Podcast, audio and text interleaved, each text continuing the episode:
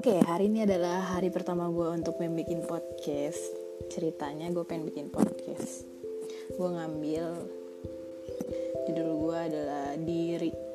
Episode yang pertama kali ini adalah siapa saya. Karena durasi yang dikasih cuma satu menit, gue di sini cuma pengen perkenalan aja ya.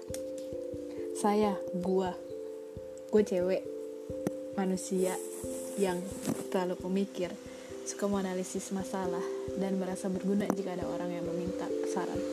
Dan gue pengen cerita gue pengen sharing aja sih tentang pengalaman gue bagaimana masalah-masalah tentang seorang remaja menuju dewasa itu ada masalah apa aja tentang bagaimana hidup yang sesungguhnya. Gue akan nge-share itu aja sih pengalaman gue. Semoga memberikan solusi kepada anda. Ditunggu untuk next episodenya